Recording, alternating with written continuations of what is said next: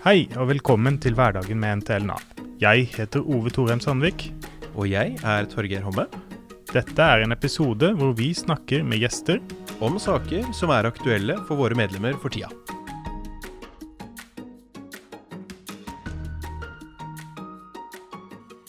Janni fra et Nav-kontor han har et eh, ganske langt spørsmål.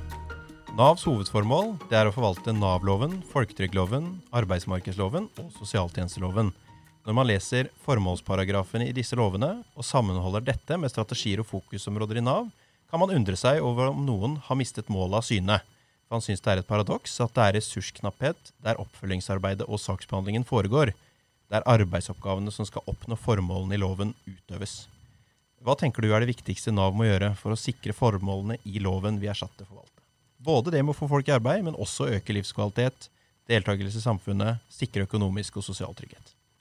Det er ikke det letteste spørsmålet jeg har fått i dag, eh, Janni, vil jeg si. Eh, så jeg, eh, jeg, tror vel eh, Her kan jeg ikke svare veldig godt her. Jeg kunne tenkt meg å ha satt meg ned og egentlig fått forstått litt bedre hvordan du, Janni, hvordan du tenker om, om hva hva er det du ville gjort annerledes? For jeg hører jo det ligger litt mellom linjene i spørsmålet ditt at eh, du tenker at prioriteringen på et eller annet vis ikke er helt riktig. Det har ikke jeg noen forutsetninger for å vurdere eller forsvare akkurat nå, egentlig. Men, men det er litt det jeg hører. Eh, sånn at jeg, jeg vil nok trengt å, eh, trengt å snakke mer med deg for å forstå akkurat hva du ville ønsket annerledes, og så kunne vi hatt en en diskusjon ut fra det. Noe av det som ligger i spørsmålet ditt som jeg tenker er viktig, er at vi, eh, vi har jo sentralt lovverk og vi har sentrale føringer f.eks. I, eh, i styrende dokumenter og sånn. Det å ha blikket på liksom, intensjonen bak det vi styres på, det tror jeg er en, eh, det er en sunn, sunn ting. Det er jo sånn at Nav, som veldig mange offentlige virksomheter, så, så har vi mange mål. Og vi styres på Det er som det er ikke kun én oppgave, og da blir det balanseganger eh, også.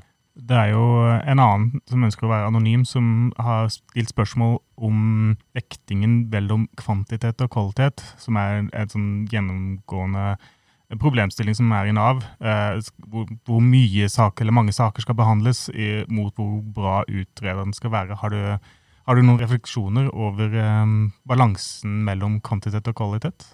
Igjen så høres det ut som et, eh, et veldig sånn klassisk eh, dilemma, eh, hvor det blir feil, i hvert fall, å bare vektlegge det ene. Vi kan ikke som hive kvalitetsvurderinger eller kvalitetskrav på båten for å, for å ivareta et ønske om stor kvantitet og, og veldig, veldig høy effektivitet. Uh, I hvert fall én tilnærming som jeg ikke kjenner godt nok til hvordan Nav uh, jobber med. Det er også, det er også en sånn uh, type risikotilnærming. Altså hvor er det risikoen er størst for feil? Hvor er det risikoen er størst for, for avvik? Så det å jobbe som målretta med hvor man setter inn ressursene, det tror jeg er også et, et viktig svar da, Eh, på det at vi både har et veldig trykk på eh, å levere saksbehandling med et stort volum, eh, og vi skal opprettholde en god kvalitet. Så jeg tror sant, der, der, er tror jeg nettopp dette utviklingsperspektivet. Kan vi, hvordan kan vi beholde den faglige kvaliteten, samtidig som at vi jobber på nye måter som både kanskje er mer målretta og, og, til dels mer effektive på, på noen av de, de store områdene. Dette, dette er eh, ting vi har jobbet eh, en del med i Skatteetaten, i hvert fall noe som, som, ligner litt på sånn jeg skjønner spørsmålet. Eh, hvor, eh, hvor, eh, nettopp det å eh, se på den balansen, og se på hvordan man, man skrur til dette. Altså, et eksempel er fastsetting, altså kontroller av selvangivelser, skattemeldinger det har vært noe som, eh, som, tradisjonelt har hatt en veldig stor eh, Brukt veldig mye kapasitet, veldig mye ressurser i skatteetaten. Eh, over tid så er det dratt ned eh, på den måten at eh, mye er automatisert. Eh, men så må vi kombinere det med veldig sånn målretta arbeid med, med saksbehandlere osv.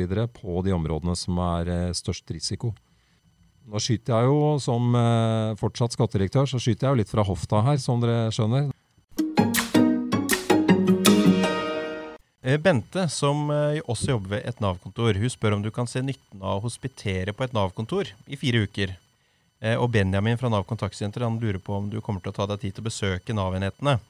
Hvis ja, så vil han gjerne ha deg på medlytt i førstelinja i Nav. Hva tenker du om dette å bli kjent med organisasjonen? Nei, dette er, eh, dette er spot on hva jeg har veldig lyst til. Eh, jeg eh, har sagt til, eh, til, noen av de lederne jeg har hatt kontakt med nå før jeg starter, at jeg vil være ute på Nav-kontor første dagen jeg er på jobb. Det er en, også en sånn i utgangspunktet kanskje litt roligere uke. Jeg prøver å få til noen besøk allerede den første uka i august. Det har jeg tro på skal gå. Og så har jeg veldig gode erfaringer med medlytt, f.eks. Det, det, det er klart jeg skal det. Fire uker i strekk på et kontor, det høres veldig ålreit ut, men det er noe med det muliges kunst også. Men det å, å, få til noen sånn form for hospitering, være rundt i organisasjonen, bli kjent med de ulike enhetene, det, det vil jeg prioritere eh, nå eh, fra høsten og utover. Det er viktig for meg å bli godt kjent med organisasjonen. Mm. Og Medlytt det kan virkelig anbefales. Det kommer liksom inn det ene spørsmålet mer intrikat og komplekst enn det andre, og man tenker det her er jo ikke mulig å svare på. Men uh, de er veldig flinke, de ansatte i Nav kontaktsenter, og har svaret på det meste. Ja, og, og jeg, jeg, merker det også fra skatteetaten. Jeg syns jo ofte det er en sånn eh, Det er utrolig viktig å ha med seg den erfaringen. Kanskje er det mange sånne historier og saker som er, eh, sant, som er viktige, som man må ta på alvor eh, i mediene, men som er med det kritiske blikket. Men så er i hvert fall min erfaring med Medlytt er at der hører vi også Altså hvor, hvor uh, mye godt arbeid da, som gjøres i førstelinja. Sånn at det tenker jeg også er uh, noe som jeg gleder meg til å, få, få hørt på. Vi er en stor organisasjon. Vi pumper en del penger eller ressurser ut i, økonomien bare fordi vi er en stor etat. Vi kjøper tiltak, vi leier kontor og utstyr, vi bestiller tjenester kanskje for milliarder i året. Dette er sikkert du kjent med fra skatteetaten også. Uh, Sølvi i direktoratet lurer på om du kan si hvordan du ser den strategiske betydningen av anskaffelser i Nav. Og uh, I den sammenheng er det en annen som minner om at riksrevisoren har hatt et øye til oss vedrørende oppfølging av uh, anskaffelser. Mm, nettopp. Ja, anskaffelser er, er, kan jo være en litt sånn vanskelig, vanskelig øvelse, men det er viktig viktigheten av anskaffelser eh, og de anskaffelsene man gjør, er, kan være litt undervurdert. For det er akkurat som eh, var det Sølvinhet som, i, som ligger i spørsmålet. De store summene man bruker, og altså ressursbruken som eh, egentlig setter litt sånn retning og kan ha store, store konsekvenser. Da. Jeg eh, var jo Difi-direktør sånn eh, for noen år siden. Og da var eh, offentlige anskaffelser en del av ansvaret som Difi hadde på tvers av, forvaltningen.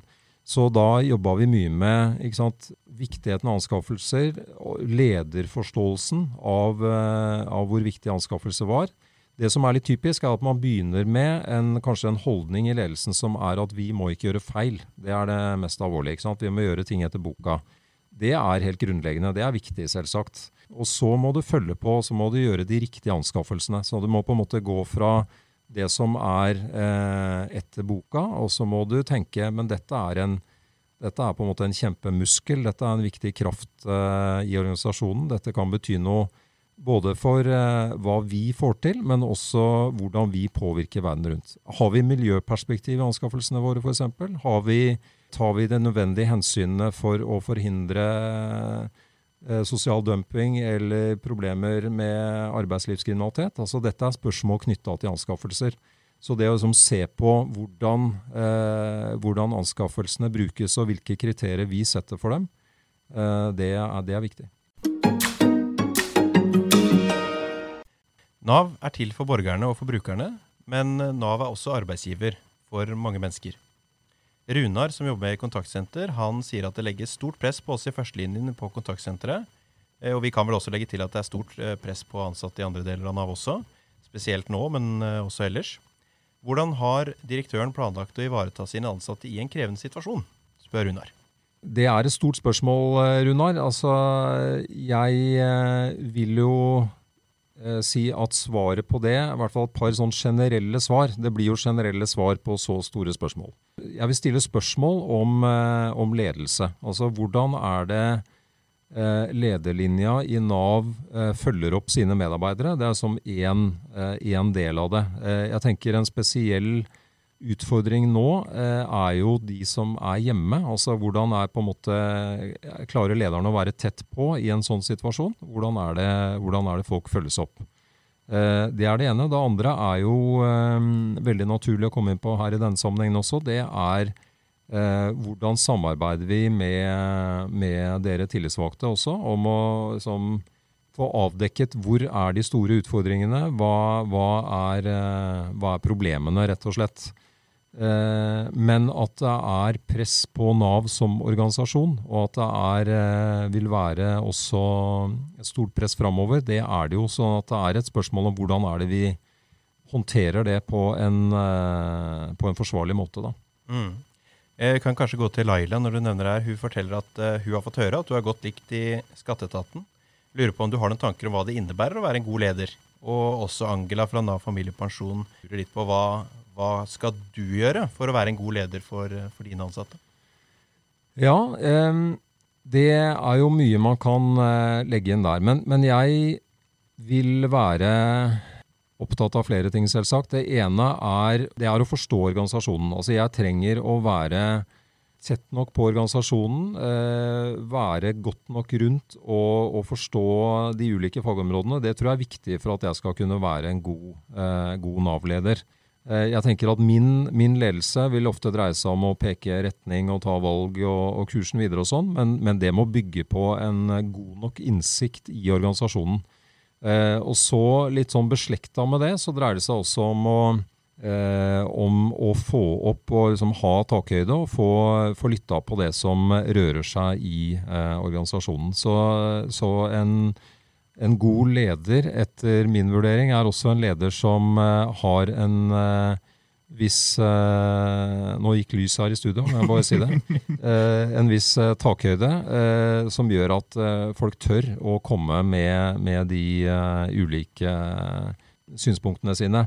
Og så nå, Dette kan jeg snakke meg varm om, altså, men, men jeg tror også det at en leder bør Eh, bør være litt sånn tydelig på retningen som jeg ønsker organisasjonen skal gå i. Så det er ting som ikke kommer fra dag én, men det er sånn noe med en viss sånn tydelighet. Eh, så organisasjonen skjønner også og er med på. Eh, det er jo ikke noe som lederen gjør på egen hånd, men altså få forankra en retning for organisasjonen tror jeg er, er viktig.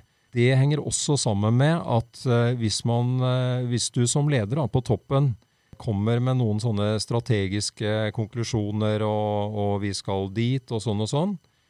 Det, noe av det som jeg sikkert eh, folk har hørt veldig mye av i skatteetaten, og som jeg også er opptatt av i Nav, er du må dra de beslutningene du tar som leder, eh, ned og ut i organisasjonen. Altså det skal, det skal eh, oversettes, det skal eh, gjennomføres ute i organisasjonen. Når vi eh, f.eks. setter sett at vi skal eh, prøve å få bedre brukeropplevelser, da. eller altså en eller annen formulering av strategisk betydning, altså den betyr lite hvis den vedtas i et ledermøte. før den faktisk da får sitt konkrete uttrykk, og før det betyr noe for en som er medarbeider ute i et Nav-kontor, eller altså ute i organisasjonen i en eller annen enhet. Så det å, det å liksom, være standhaftig og jobbe på eh, for å få oversatt gjennom de mange ledernivåene som det er i en så stor organisasjon, det tror jeg er viktig for å være en leder som faktisk har en viss effekt. Mm. Uh, Hilde fra Familiepensjon har jo uh, nevner dette. Sigrun Vågeng har sagt at det skal være mindre styring og mer ledelse. Mer autonomi i hverdagen, heller en detaljstyring. Og Ricky eh, fra Arbeidslivssenteret lurer på om du vil være med på å utvikle en ny kultur med åpenhet, tillit og respekt til alle medarbeidere i Nav. Ja, dette, dette, kan jeg bare nikke til, egentlig. Det, det høres ut som gode ambisjoner. Altså, jeg Jeg tror jo en så stor organisasjon som Nav, så tror jeg eh, hele tida det er eh, viktig å ha et blikk på Klarer vi å bygge et fellesskap i hele organisasjonen? Det er noe med hva er, hva er helheten i Nav, og, og hva, er, eh, hva er på en måte ligger mer i, de store fagmiljøene som vi har i ulike deler. Eh, det er, eh, det er, selvsagt ikke sånn at vi vil smelte sammen og bli en sånn monolittisk kultur, nærmest. ikke sant? Men det er noe med å, å tenke, tenke sånn, et fellesskap da, eh, som, bygger, eh, som, som, bygger, på noe. Og jeg tror disse verdiene tillit, raushet er også et begrep som jeg tror kan, kan være viktig. å å ha med seg. Altså det å, det å, ville hverandre vel, også når vi skal utvikle organisasjonen, når vi skal bevege oss, det tror jeg er viktig. Det er noe med å ikke sitte og tviholde på å tenke at akkurat sånn gjør vi det nå, sånn skal vi, dette skal vi fortsatt holde på. Altså, det er noe med En tillit gir rom for, tror jeg, eh, også en sånn mulig utvikling som, som kan være god. da. Vi har også noen spørsmål om medbestemmelse. Igjen, eh, Rikke har jo sendt inn mange fine spørsmål. Og dette her er jo et av mine favorittspørsmål. Eh, hva legger du i reell medbestemmelse?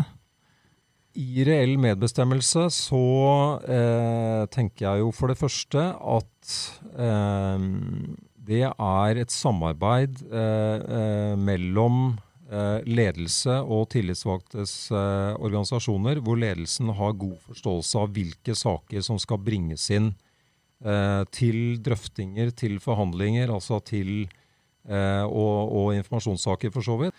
De sakene som, som bør løftes inn, de, de skjer, det, eller de treffer disse medbestemmelsesarenaene.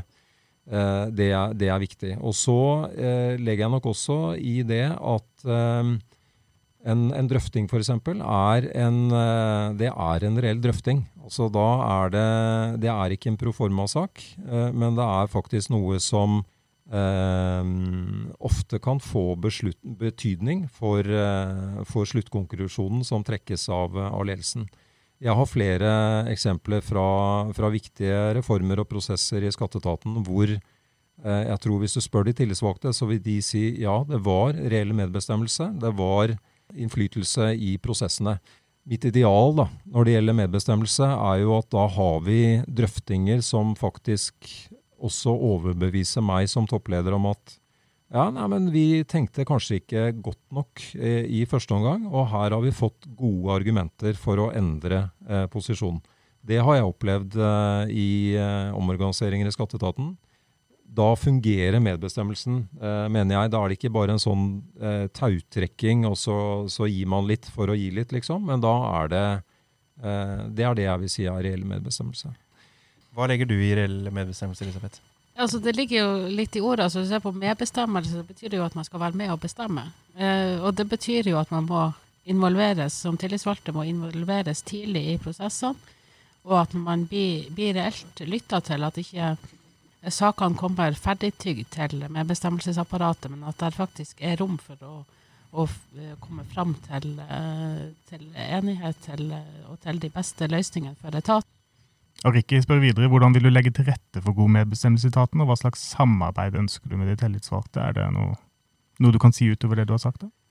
Nå har jeg, når jeg da kommer over sommeren, så, så, vil eh, medbestemmelsen være en del av det jeg må få på, en måte på plass i kalenderen min. At det er, en, eh, det, er en, ikke sant, det er møter og det er løpende der. Jeg må jo finne min kalender og min form på det, men, men jeg vil være opptatt av å ha både sånne jevnlige, de, de faste møtene, og være med på det som det som er eh, vesentlig for meg som direktør å være med på der. Eh, og, og, så vil det være også um, Tror jeg på noen tidspunkter så kan det være greit å ha eh, litt mer sånn eh, evalueringer. Vurdere hvordan det, det har dere helt sikkert også system på her. Jeg er sikker på sånn årlig evaluering av medbestemmelsen osv. Så, videre.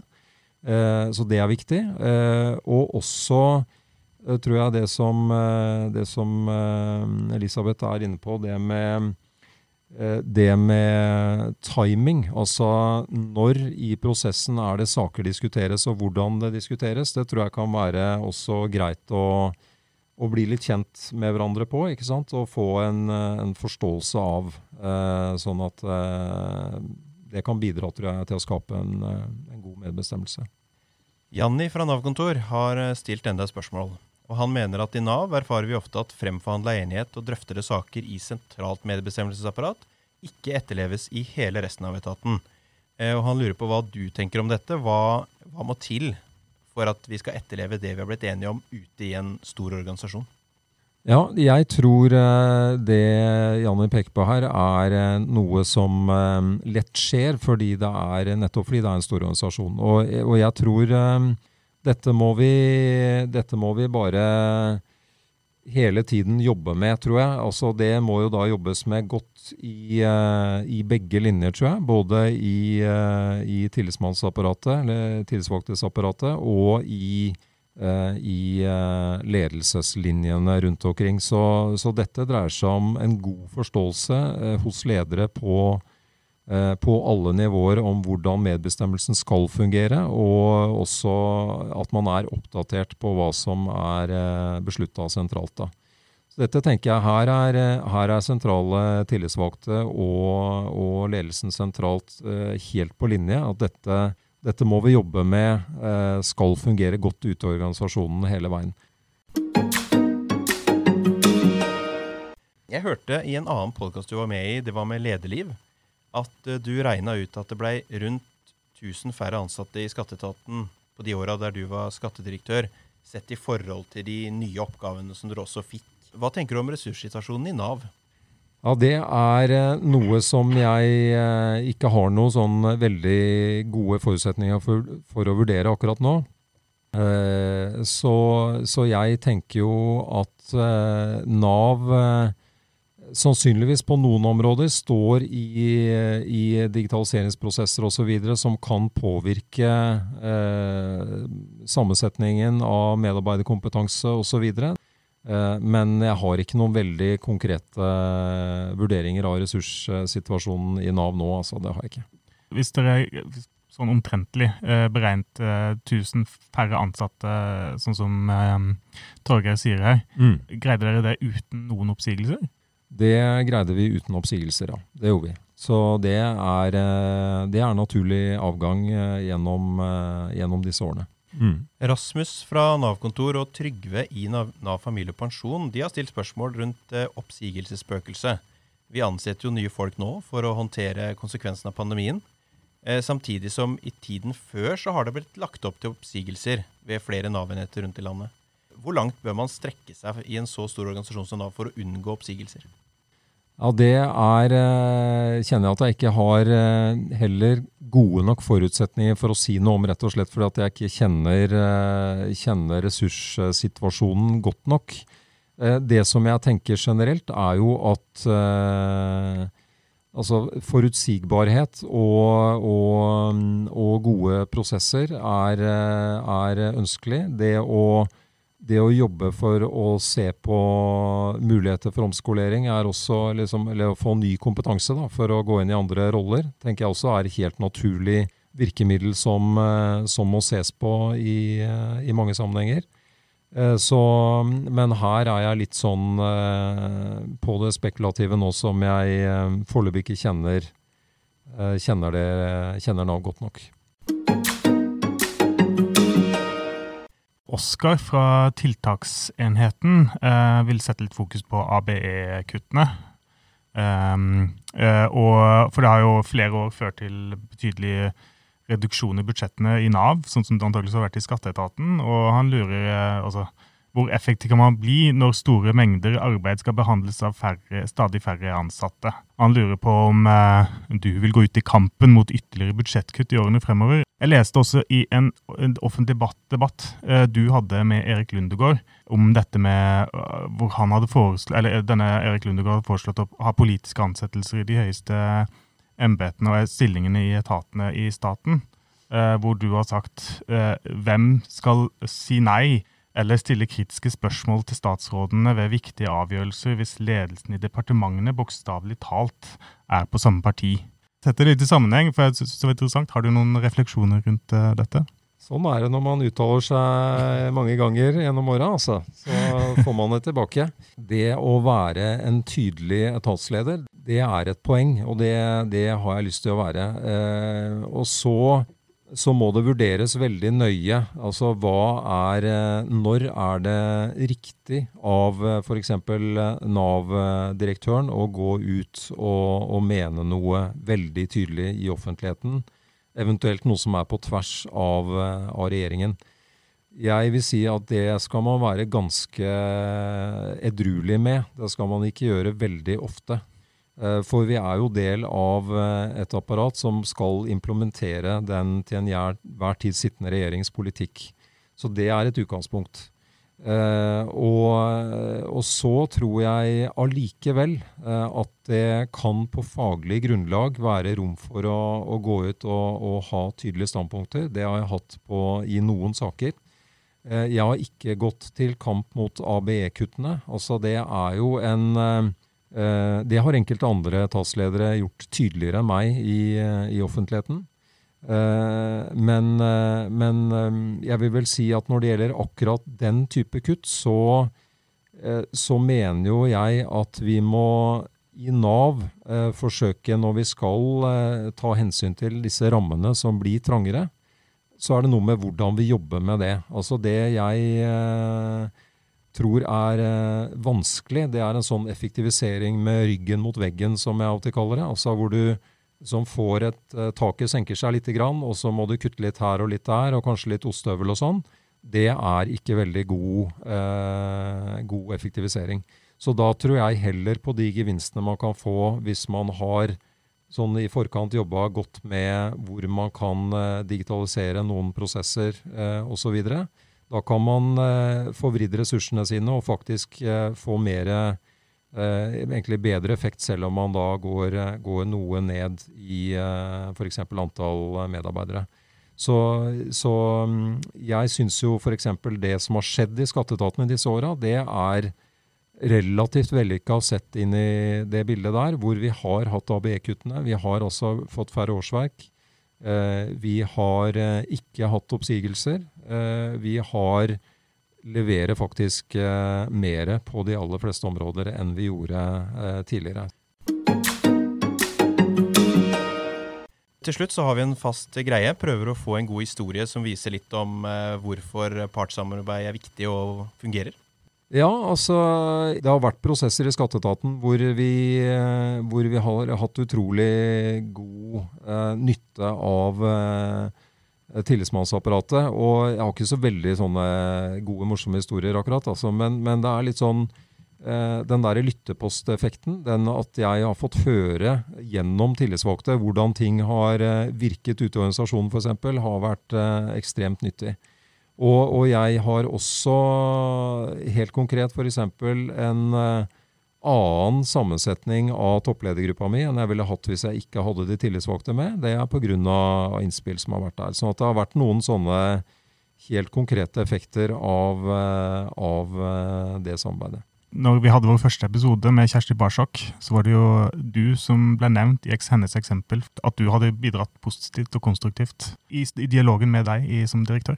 Det var jo nesten rørende, så det, det tar jeg med meg. Det får være siste ord. Takk for at du kom, Hans Christian, og god sommer. Takk i like måte. Gleder meg til å ses til høsten. Ha det bra. Ha det godt. Takk til deg som hørte på. Hvis du har spørsmål eller kommentarer, ris eller ros, så er vi veldig takknemlige om du sender en e-post til torgeir.homme alfakrøll nav.no. Vi høres.